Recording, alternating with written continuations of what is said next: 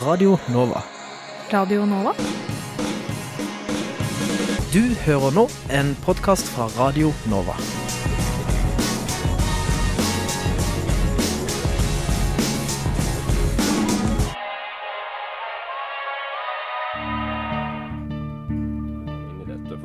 For det hadde vært siden eh, Noam Chomsky etablerte den greina av lingvistikken som, som jeg befinner meg i. Vi håper jo på breiest mulig oppslutning om SV, og jeg tror at det eneste som kan få norsk løsner båndene mellom staten og kirka, og forhåpentligvis fører til tettere bånd mellom kirka og folk. Så hadde de gjort som andre fjøringsbevegelser i verden, hadde de helt legitimt kanskje tatt i våpen. Og så direkte skildring av menneskeskjebner tror jeg ikke vi har sett eh, i noen annen nyhetsdekning av noen annen terroraksjon. Det er såpass store forskjeller mellom den kalde krigen, hvor det var to supermakter som sto mot hverandre, eh, og den situasjonen vi har i dag. Du hører på samfunns- og aktualitetsmagasinet Opplysningen 99,3 på Radio Nova. Opplysningen 99,3 på Radio Nova. Norsk kulturtilbud. Hvem tiltrekker vår oppmerksomhet? SSB sitt kulturbarometer har svaret, og vi tar en prat med både kinoen og operaen om dette. Og så skal vi igjen snakke om Donald Trump. Har noen egentlig overhodet noe som helst oversikt over hva den mannen foretar seg? Vi gjør et nytt forsøk på å samle trådene. En P-stasjon har en innvirkning på den enkelte nordmanns selvfølelse og identitet. De sliter, og de har ikke råd til å betale eh, markedspriser for, for gassen. Akkurat nå hører du på Radio Novas samfunns- og aktualitetsmagasin, Opplysningen 99,3.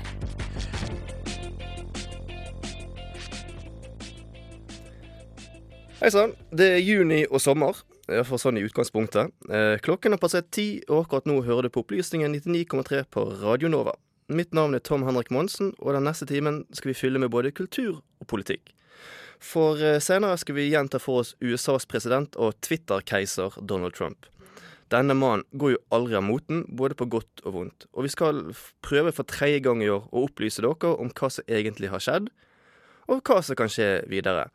Eh, Men nå straks får vi besøk av Nordisk Film Kino og Nasjonaloperaen for å snakke om SSB sitt kulturbarometer for 2016. Radio Nova, FM 99,3 og radionova.no. Interessen for de ulike kulturtilbudene har endret seg lite de siste fire årene. Mandag publiserte Statistisk sentralbyrå Norsk kulturbarometer for 2016. På toppen av listen troner kino, slik det har gjort siden det første kulturbarometeret ble utgitt i 1991. I fjor benyttet hele 72% av Norges befolkning seg av kinotilbudet, og da snakker vi hovedsakelig om barn og unge. I andre enden av skalaen finner vi operaen, som 8% av befolkningen benyttet seg av. Og her snakker vi da om godt voksne med høy utdanning. Med oss i studio har vi programdirektør i Nordisk Film Kino, Kristin Berg, og operasjef i Den norske Operaballett, Per Boje Hansen. Så da representerer skal vi si, hver sin ende av dette kulturbarometeret. Velkommen til oss. Tusen takk. Takk for det. Eh, vi kan jo begynne på toppen av kulturtilbudkransekaken med deg, eh, Berg. Mm. Hvorfor er kino det mest brukte kulturtilbudet år etter år? Det er kanskje ikke så lett å svare på sånn i, i eh, ja. Nei, men det er som du sier, det har ligget tronet på toppen eh, i alle år, og kinobesøket er veldig stabilt. Det handler jo vel eh, noe om at det oppfattes som et lavterskeltilbud, noe som det er lett å bestemme seg for veldig raskt. Så koster det ikke for mye. Og så er det også slik at vi har vel et tilbud til alle hele tiden. Om du er barn, familie, ungdom eller voksen, så har man en film som passer til deg på repertoaret til enhver tid. Det handler jo om tilgjengelighet også. Og så det sosiale. Folk elsker å gå ut, se film sammen, oppleve noe sammen, og snakke om det etterpå. Så kort fortalt, kanskje det er eh, så enkelt. Men Har dere noen sånne strategier for å holde dere på toppen, egentlig? Nei, nå skal det sies også, vi lager ikke filmene selv, vi som driver kino. Uh, vi er helt avhengig av at noen lager dem for oss, og heldigvis så er det noen som lager veldig gode filmer hele tiden. Så det er klart at kinobesøket avhenger Altså de variasjonene som er, handler jo også om hvilke filmer som er tilgjengelig til enhver tid, selvfølgelig. Har man en Max Manus eller en Kongens nei i norsk film, så øker besøket betraktelig. Eller en Børning én eller to. Så er hele familien og alle på vei til kinolokalene for å kunne snakke om at de har sett den filmen til lunsj dagen etterpå. Så det er veldig samlende å gå på kino. Folk liker å snakke om det, og det er lett tilgjengelig. Ja, eh, Bård Johansen, operaen er altså det minst brukte kulturtilbudet, da, ifølge SSB. Hva tror du er forklaringen på det? Ja, Nå er jo ikke operaen minst brukt, da, for vi blir faktisk veldig godt besøkt. Men det er jo slik at vi har mindre operatilbud enn kinotilbud. Og den eh, undersøkelsen som du viser til, den gjelder jo for hele landet. Her i Oslo og Akershus så opplever vi en sterk øket interesse for opera. Eh, Det er eh, siste året en økning fra 21 til 8 29% som har besøkt operaen de siste to årene. Det er en ganske markant økning. Og vi har doblet publikumstallet fra vi flytta inn i Bjørvika. Fra 150 000 til over 300 000 i året. Så det er nesten en tredel av publikummet, eller av, av befolkningen i Oslo og Akershus som har vært i operaen. Og det er en ganske stor andel. Så vi er skikkelig på fart framover. Men det er klart det er veldig stor forskjell på kino, hvor det er en kino i hver eneste lille bygd. Og det er fantastisk at vi har det tilbudet. Årsaken bak der igjen er jo at det er så dyrt å drive med opera. Det koster veldig mye penger å få fram en operaforestilling. Men som sagt, vi er kjempegodt besøkt. Vi har nesten ikke plass til flere. Og så snakket du litt om dette her med at det er eh, de godt voksne som går der. Der er vi også i skikkelig bra siget. Det er flere og flere yngre mennesker som kommer til oss. Vi har et veldig godt tilbud til unge mennesker, noe som heter Ung i operaen. Én forestilling i året er helt satt av til ungdom under 30 år. Den er alltid stappfull.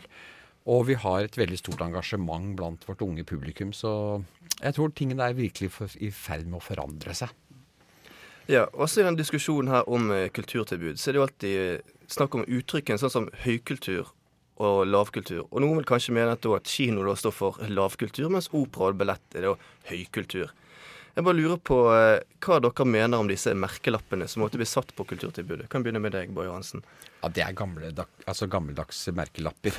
uh, vi har på operaen tilbud som er veldig populært, som er kanskje tilgjengelig for en stor del av befolkningen. Og så har vi noe som er mer for spesielt interesserte. Og litt av det samme er det vel på kino, kinoen, vil jeg tro. absolutt. Så det å ha et stort, bredt tilbud er viktig. Men høy- og lavkultur, nei, det, det tror jeg ikke vi snakker om lenger. Det er det? lenge siden, altså. Det er ganske irriterende, egentlig. Jeg husker, altså, ikke så for så veldig mange år siden. Det at kino er lavkultur, det er så folkelig, og det er sånn hva, Det er en ganske irriterende merkelapp, vil jeg si. Ja. Men så akkurat det begrepet der er vel litt for slitt. Og at opera liksom bare er for fiffen, det er også helt gammeldags. Det er altså, vårt publikum gammeldags. er helt gjennomsnittlig. Mm. Og eh, vi er et teater på linje med, med et annet kulturtilbud, og, og har forestillinger som, eh, som appellerer til alle, vil jeg mene. Og vi også på kino har vi jo både de her store såkalte popkornfilmene, sånn som Pirates of the Caribbean da, f.eks. Og de små, eh, litt mer kanskje utfordrende kunstneriske filmene som henvender seg til en mer voksen målgruppe. Og der skal vi være. Vi skal ha et tilbud til alle. Eh, så det er vel kunsten også, å kunne målrette informasjon, markedsføring, slik at alle kan finne sin plass. Så du spurte hva vi gjør for å få folk til å gå på kino. Klart vi gjør mye. Fordi kinovanene eh, og folks seervaner endrer seg jo veldig. Så det er ikke sånn at vi bare sitter og tar imot filmene som kommer. Klart vi jobber veldig målrettet med det. Og det må jo vi gjøre, og det må jo selvfølgelig dere også på Operaen Mm. gjøre.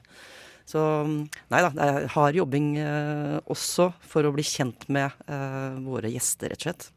Ja, dette kulturbarometeret det var jo da for eh, 2016. Hvis Vi nå, eh, vi, altså, vi er halvveis inn i 2017 snart, og vi kan jo måtte se litt på hvordan det har gått hittil i år, og hvordan det ser ut videre. For eh, eh jeg kan begynne med deg, eh, Berg.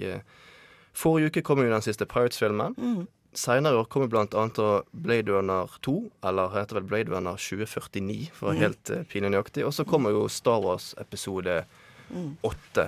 Det, blir dette et bra kinoår?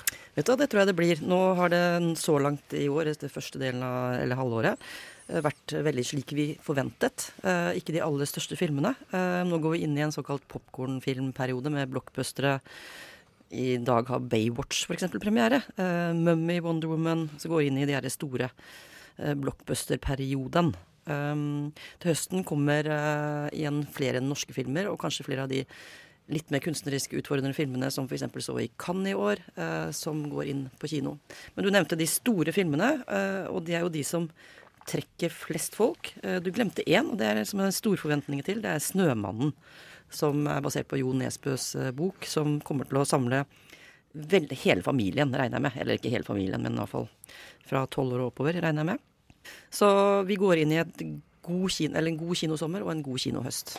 Er det noen av disse filmene dere måtte ha mest forventninger til, eller er det bare sånn jevnt over høy forventning til alle sammen? Nei, det er det jo ikke. Så det er, vi har jo prøvd å estimere hver eneste film. Uh, vi venter mye av 'Snømannen'. Vi venter mye av 'Tolvte mann', som Harald Svart, uh, norsk film, som Harald Svart uh, lager nå.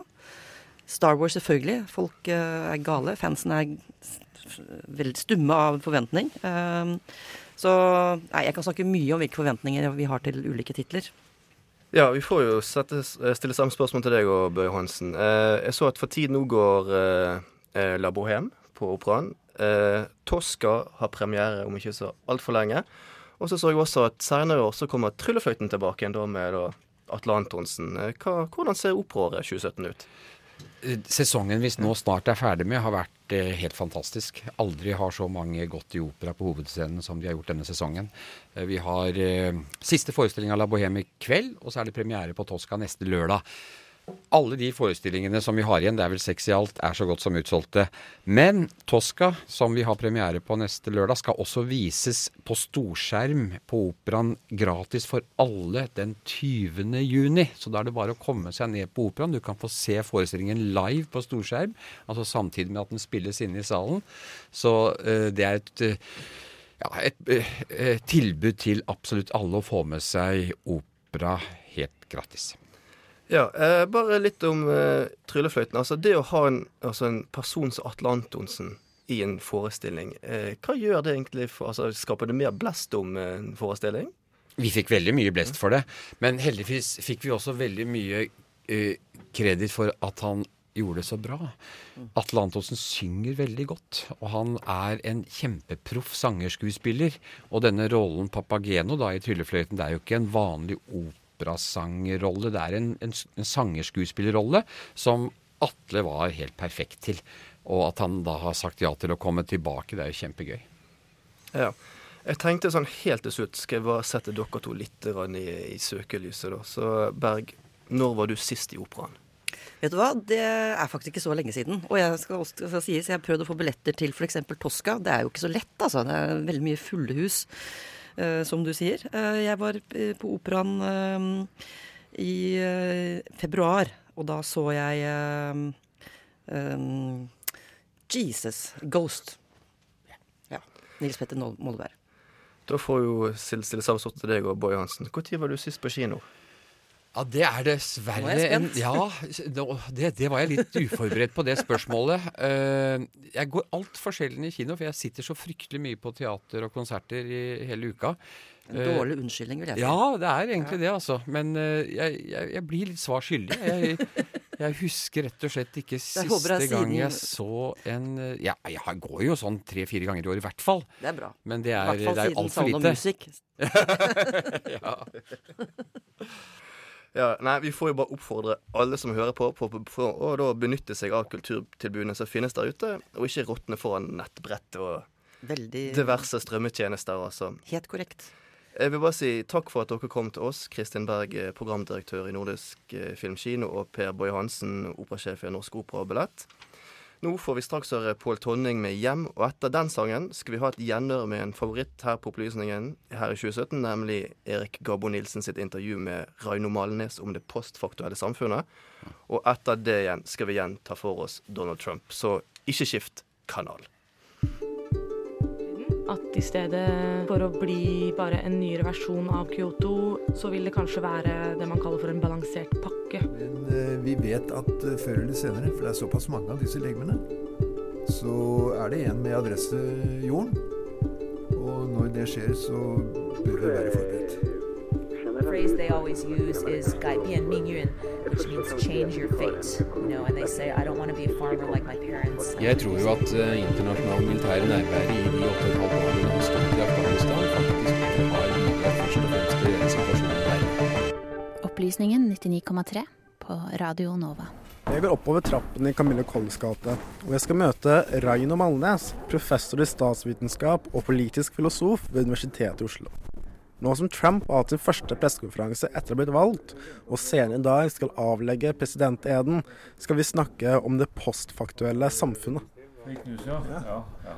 Uh, og så lurer jeg på, Kan du forklare hva postfaktuelle samfunn er for noe, egentlig? Ja, si det.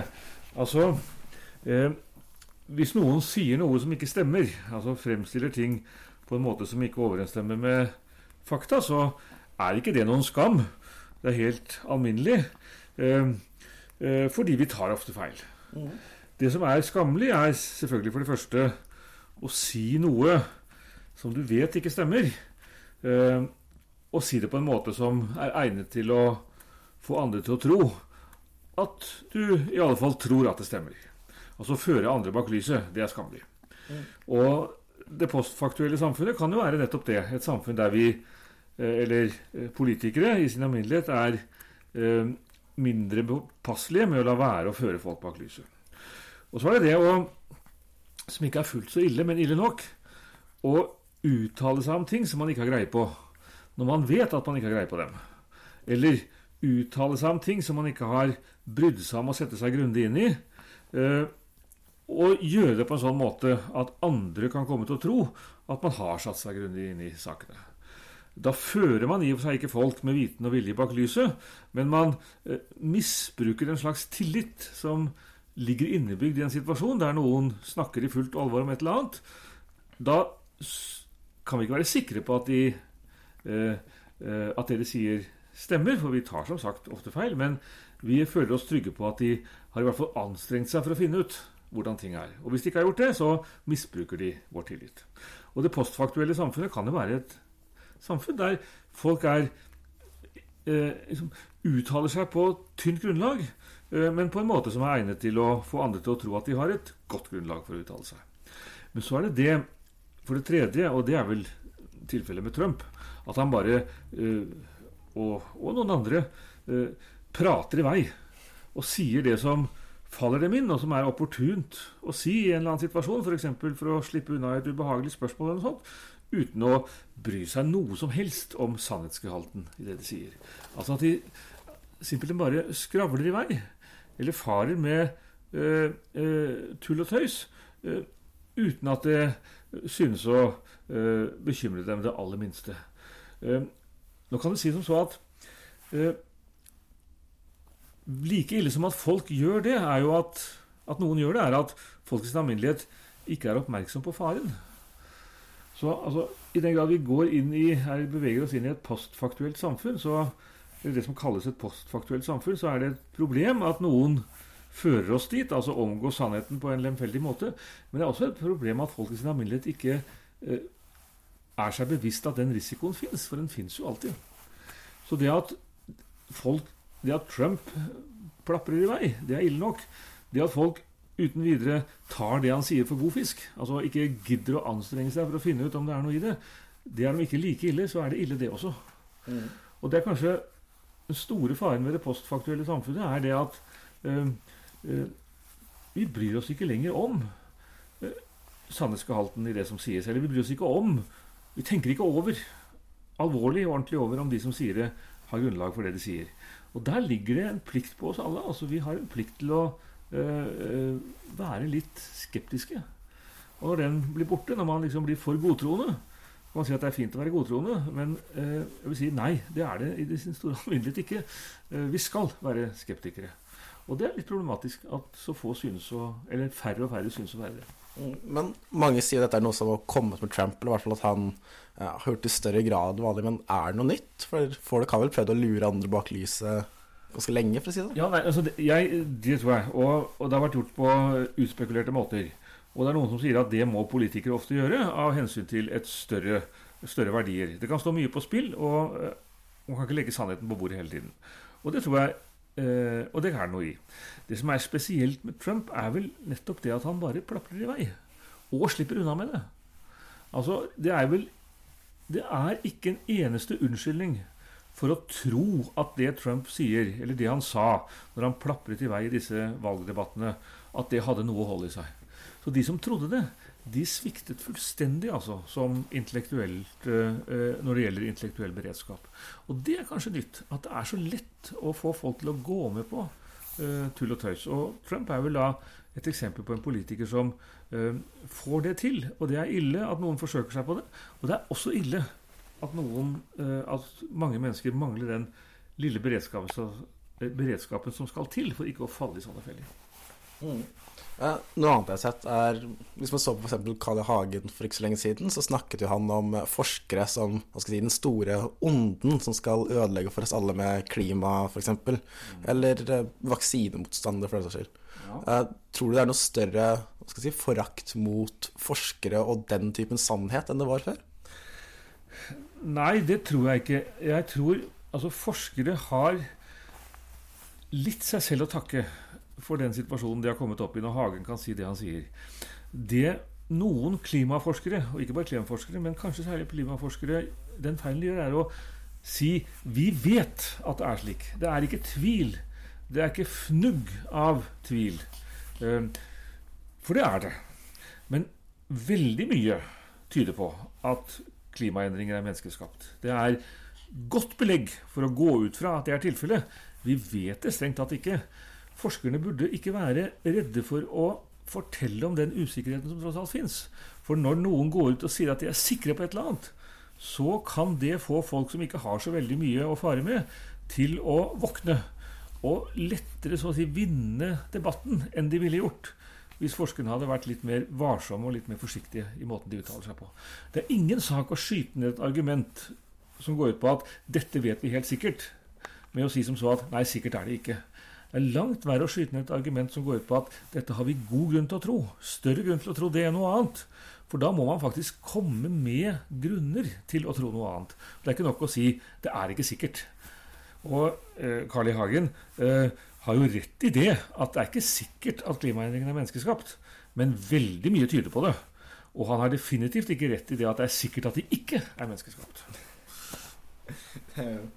Men tror du sånne ting kan være et problem for demokratiet, da? At vi Ja, det er et problem hvis folk ikke, er, eh, ikke har det lille som trengs av intellektuell beredskap mot den type problemer.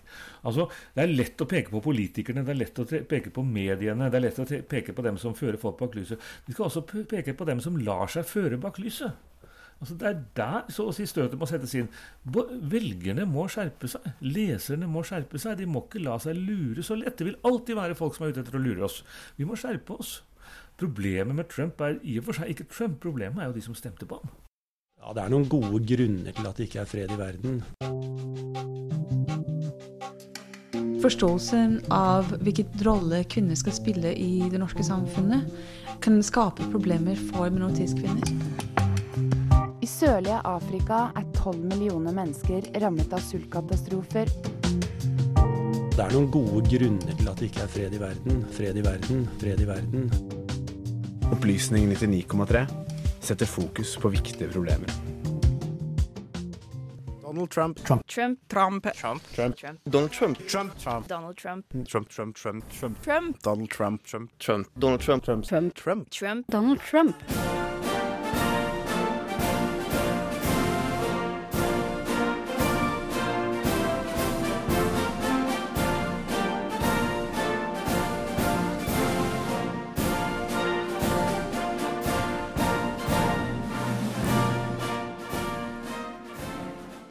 Det er altså Trump-tid igjen opplysningen. Og det betyr også at det er tid for Mats Motrøen, skribent hos amerikanskpolitikk.no Minerva. Velkommen tilbake. Tusen takk. Det er tredje gangen du er her i 2017, så hadde, du hatt, hadde vi hatt en vandrepokal, så hadde vel du fått den nå, tror jeg. Så det...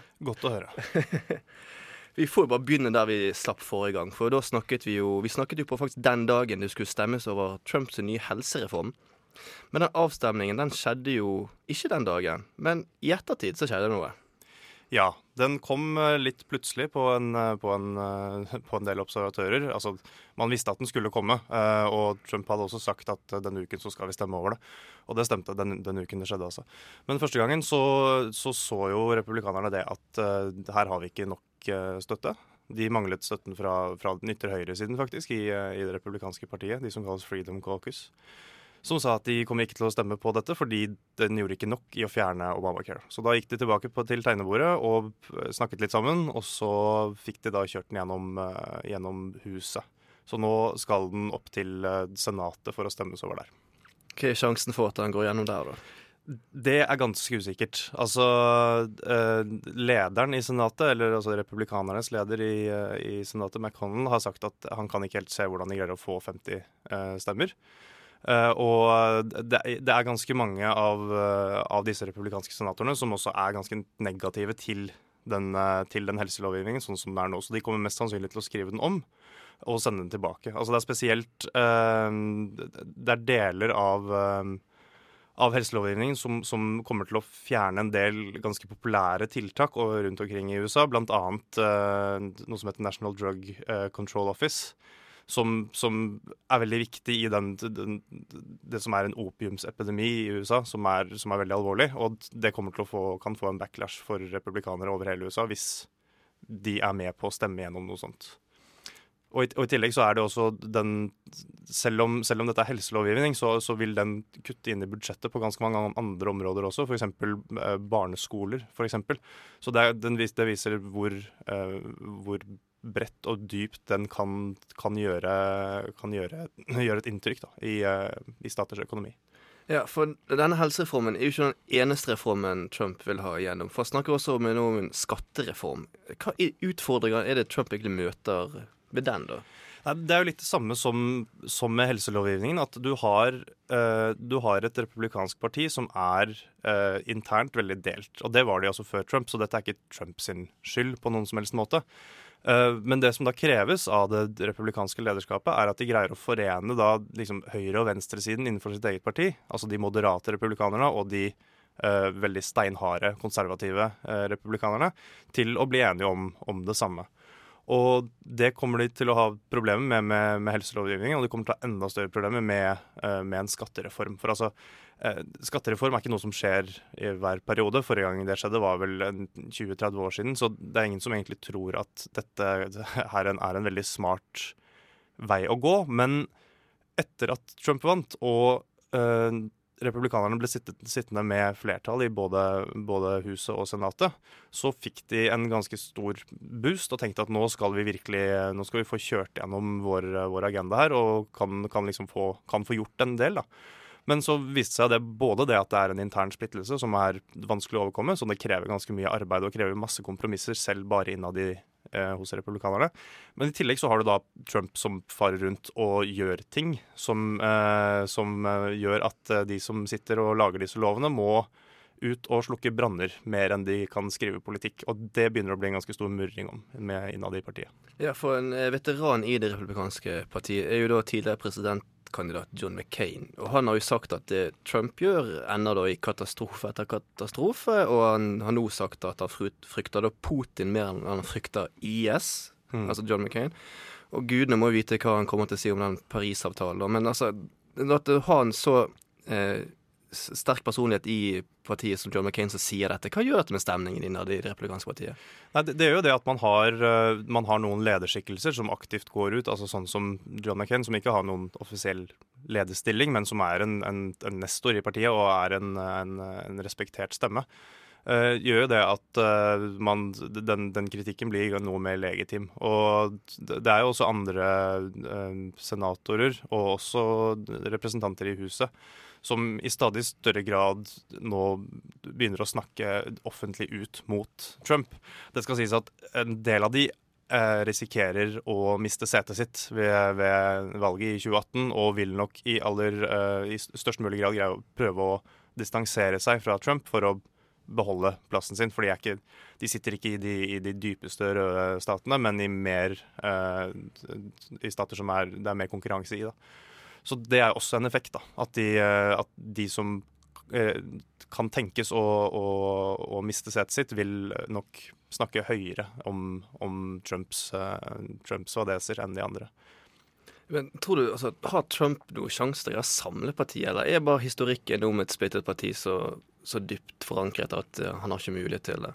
Nei, altså, fra utgangspunktet da, så uh, splittet, eller så splittet som, som partiet var, uh, så kan jeg ikke helt se at Trump er den rette mannen for å samle disse, disse frontene.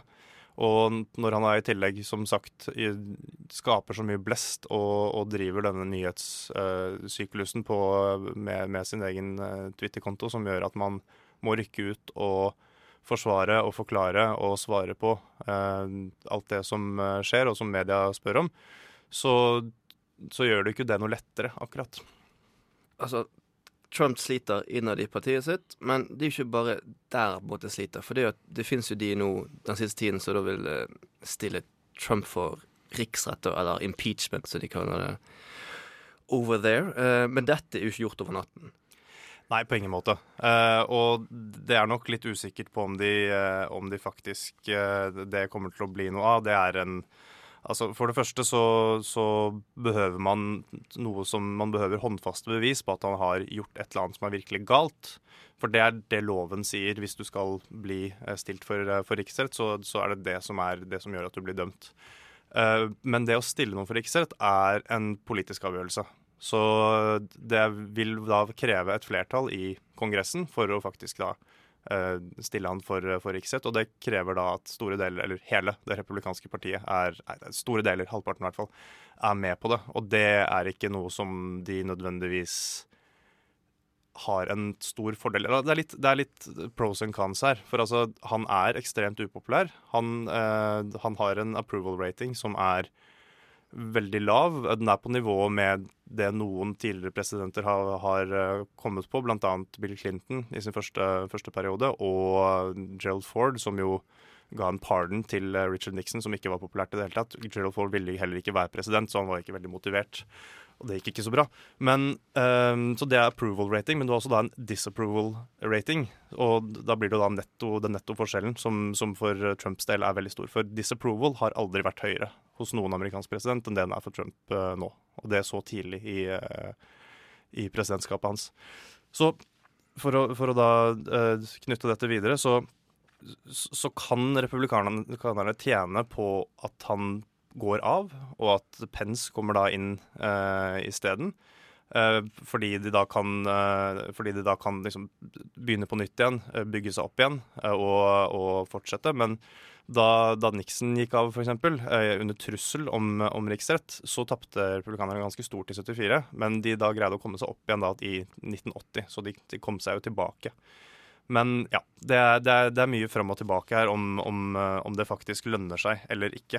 Eh, Trump kommer til å lage eh, et lite leven hvis republikanerne skulle, skulle, prøve å gjøre dette. Og han vil også da få rett i det at hele dette systemet er mot han. Og det er jo en betydelig del av stemme, de, de som har stemt på han også, som altså, Jeg tror ikke det blir noe borgerkrig og opprør, akkurat, men de vil jo bli eh, totalt desillusjonerte over hvordan dette politiske systemet fungerer. At når de endelig har fått inn en av sine menn, så blir han bare eh, spist opp av systemet og kastet ut igjen.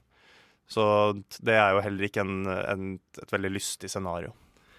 Nei, eh, jeg tror vi skal ta og spille en låt, og så bare fortsetter vi litt mer Trump-preik eh, etter den. Radionova er best. Alle andre er tapere. Radionova er best. Radio Nova. Mm. Radio Nova. Siden 1982 har Radionova gitt deg favorittmusikken din før du visste at du likte den.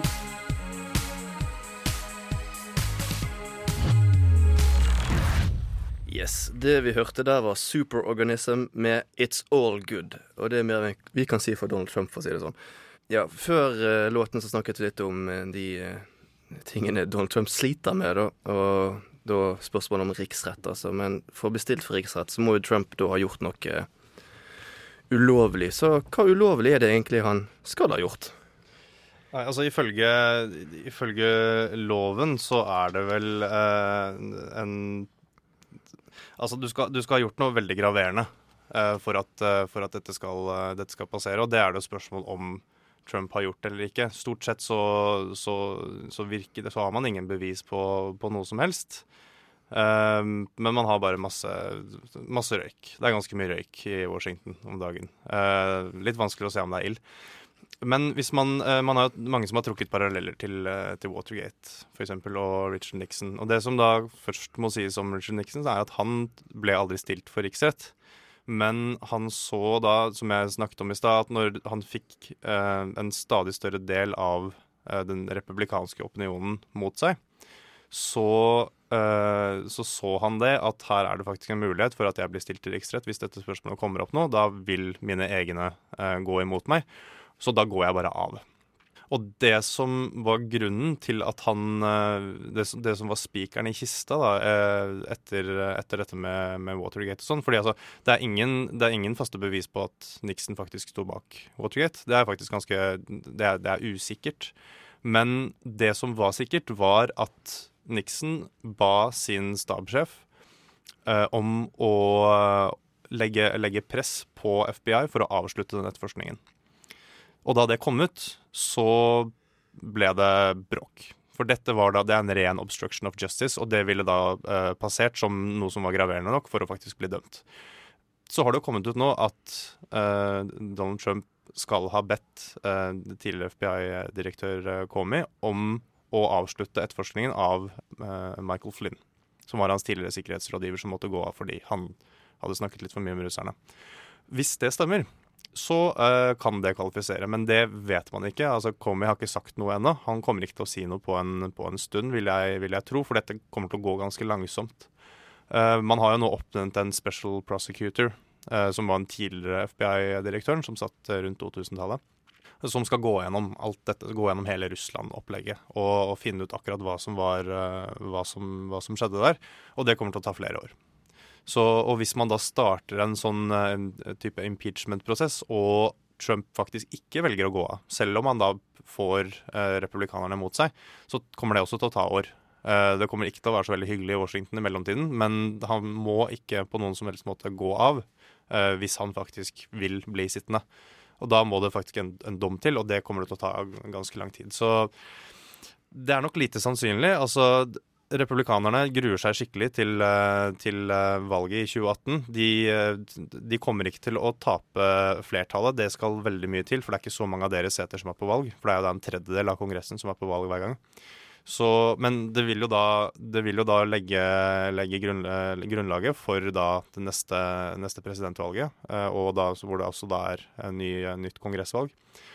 Og der ligger Altså, så upopulær som Trump er nå, så er nok republikanerne ganske redde for, eh, for hva, som kan, hva som kan skje der. Og det å da starte en sånn prosess som det her, kommer ikke til å, det kommer ikke til å gå bra i det hele tatt. Altså, da kan de i verste fall miste, miste flertallet sitt i 2018, selv om det skal veldig mye til. Så de vil nok prøve å holde det så rolig som mulig, og da er ikke riksrett en vei å gå. Den etterforskningen som begynte nå med han tidligere FBI-sjefen, det er vel Mulder han heter, mener jeg? Ja, det stemmer. Sånn, den kan ta flere år, og det er ikke sikkert at Donald Trump sitter noe mer enn de fire årene han er blitt valgt til. Da. At hvis de da kan konkludere med at han har gjort noe ulovlig først og etter han er ferdig som president, hva kan de gjøre noe med Trump da? Nei, altså det måtte i tilfelle vært en sivil uh, rettssak. Uh, selvfølgelig, det kan, uh, det kan, skje. Men det, det, kjenner jeg ikke detaljene til. Det, det, kan godt være. Men det vil jo ikke være så veldig aktuelt lenger, vil jeg tro. Men det, det vet jeg ikke, altså. Så sannsynligheten for at Trump stilles for riksrett mens han er president, den er usannsynlig liten, altså? Ja, da skal han bli ekstremt mye mer upopulær, i tillegg til hvor upopulær han er nå allerede, sånn at republikanerne ikke har noen annen uh, utvei enn å bare kutte båndene til han så fort som mulig. Og det, som sagt, jeg tror ikke det kommer til å skje da i løpet av det, de, neste, de, neste, årene. Det er veldig litt sannsynlig. Ja, altså, men sånn, Trump er upopulær, ratingen hans er lav. Men han, han har jo gjort det han sa han skulle gjøre hvis han ble president. Han har skapt arbeidsplasser, eller skal skape arbeidsplasser gjennom en hinsides stor våpenavtale med Saudi-Arabia. Og han har jo sagt han skal trekke USA ut av handelsavtaler og klimaavtaler, og nå i går sa han det at nå dropper han ut av Parisavtalen. Og Hvorfor er folk så overrasket over at han gjør dette? Han har jo sagt han skal gjøre det. Ja, det, det, han har en uh, Han har lett for å skape den, den outragen fordi han er den, den typen han er. Uh, hvis du hadde hatt en standard republikansk president, så ville mye av det samme her blitt gjort. Altså uh, et, et, stort, veldig, veldig stort tilskudd til, til Forsvaret, bl.a. gjennom da, denne våpenavtalen med, med, med Saudi-Arabia er det er ikke ukjent for republikanere å, å være for det. Og det, det, går jo da utover andre deler det, av, av, budsjettet, og da typisk da f.eks. Eh, helse um, og, andre, og, andre, overføringer til statene. Og det er, det noe, det er ikke noe, så veldig spesielt i, i, det, egentlig. Samme med Parisavtalen. Man kunne helt fint sett for seg republikanere som hadde gjort akkurat det samme. Eh, da Obama kom tilbake med denne Parisavtalen, så var det jo altså Det, det, var, det var, mye bråk da i, uh, i, Kongressen. Det var ingen republikanere som ville ha dette. Fordi de mente at dette, det var liksom en, en, en, europeisk greie. Vi ville ikke ha noe med det å gjøre. Vi ville ikke betale for dette. Uh, og, og, så Sånn sett så er det ikke noe, det ikke noe spesielt det at han trekker seg ut av, av avtalen denne veggen han har snakket om, uh, The Wall, er spesielt. Men den kommer han mest sannsynlig ikke til å få penger til, og må nok på et eller annet tidspunkt se at det er, eh, er, tapt. Fordi det er så altfor mye som, som, da må kuttes, og det kom da det, Politisk så funker det ikke, fordi det vil være for upopulært. Så noe vegg til Mexico, det blir sannsynligvis ikke noe av? Nei, det kan jeg ikke se for meg. Det, det, blir veldig vanskelig, for da må, de, da må de som sagt kutte så mye i andre, i andre, bevilgninger. Og det de driver med nå, er upopulært nok allerede. Altså Helsereformen er ikke populær, den nye de har, de har kommet med, med, nå. Så de har, den, den, politiske kapitalen har en, har en, bunn, da. Og de kan ikke bare kutte og ta, fra, ta, penger fra hvor som helst bare for å bygge en veldig, veldig dyr eh, mur. Det, det, kom, det kommer ikke til å Jeg kan ikke skjønne hvordan det skal gå. I går var det Parisavtalen. Han har vel ikke våknet ennå borte i Washington, men uh, har du noe, tør du å spå hva som kommer til å skje framover? Det første nå blir jo når uh, Altså denne, denne, uken så har, har Senatet vært på, uh, i recess, som det heter. Uh, ingen god norsk oversettelse for det. Friminutt blir litt barnslig. uh, men de kommer tilbake på, på, på tirsdag, uh, og, og, skal da begynner da fortsetter da arbeidet med denne helse, helsereformen. Um, det blir det neste store som skjer, når de skal stemme over den. For Om det da, om den da går igjennom eller ikke, eller om de bare sender den rett tilbake. Som de mest sannsynlig kommer til å gjøre. De kommer til å gjøre noen forandringer. Og så kommer de til å, å, å, sende den tilbake, og så blir det da en ny, en eh, ny, kamp i Representantenes hus. Og så får man se hva som, hva som, skjer med det. Bortsett fra det så har det vist seg å være ganske vanskelig å spå hvor, eh, hvor eh, hvilken vei i hvert fall sånn det offentlige ordskiftet eh, går med, med, Trump. Så det, det, er å, det er vanskelig å spå noe, spå noe fornuftig. Altså Bortsett fra helsereform. De kommer kanskje til å begynne å snakke om en, en skattereform, men jeg tror de kommer til å fokusere på helsereformen nå i all, i all hovedsak i en god stund fremover. Så det blir nok det, det viktigste å følge med på. Så, men ser du for deg en rolig sommer, eller? Nei, jeg kan ikke se for meg hvordan den skulle bli rolig. Nei, det, det, tror jeg ikke. Noe ferie skal du ha der borte også. De har jo en, en sånn dødtid eh, i, i USA også, men men den, eh, kommer til, vi kommer nok til å få høre nok om dette i, i månedene fremover også. Ja, Én ting er nå sikkert. Det blir eh, ikke kjedelig med Trump som president. Vi får se om, eh, om verden overlever sommerferien, da, og så får vi gi opp ny status til eh, høsten. Eh, takk for at du var med oss igjen, Mads Motrøen, skribent hos amerikanskpolitikk.no og Minerva. Tusen takk. Neste fredag er det siste sending for Opplysningen 99,3 før sommerferien, så skru på da. Medvirkende til dagens sending har vært Eileen Lindvold. Tekniker har vært Simon Lima. Mitt navn det er Tom Henrik Monsen. Denne sendingen kommer som podkast på Soundcloud og iTunes om ikke så altfor lenge. Gå inn og lik vår Facebook-side, og etter oss kommer Studentnyhetene, så da gjenstår det bare å ønske alle en fortsatt opplyst koffefe. Radio Nova. Du har hørt en podkast fra Radio Nova. Likte du det du hørte? Du finner flere podkaster i iTunes og på radionova.no.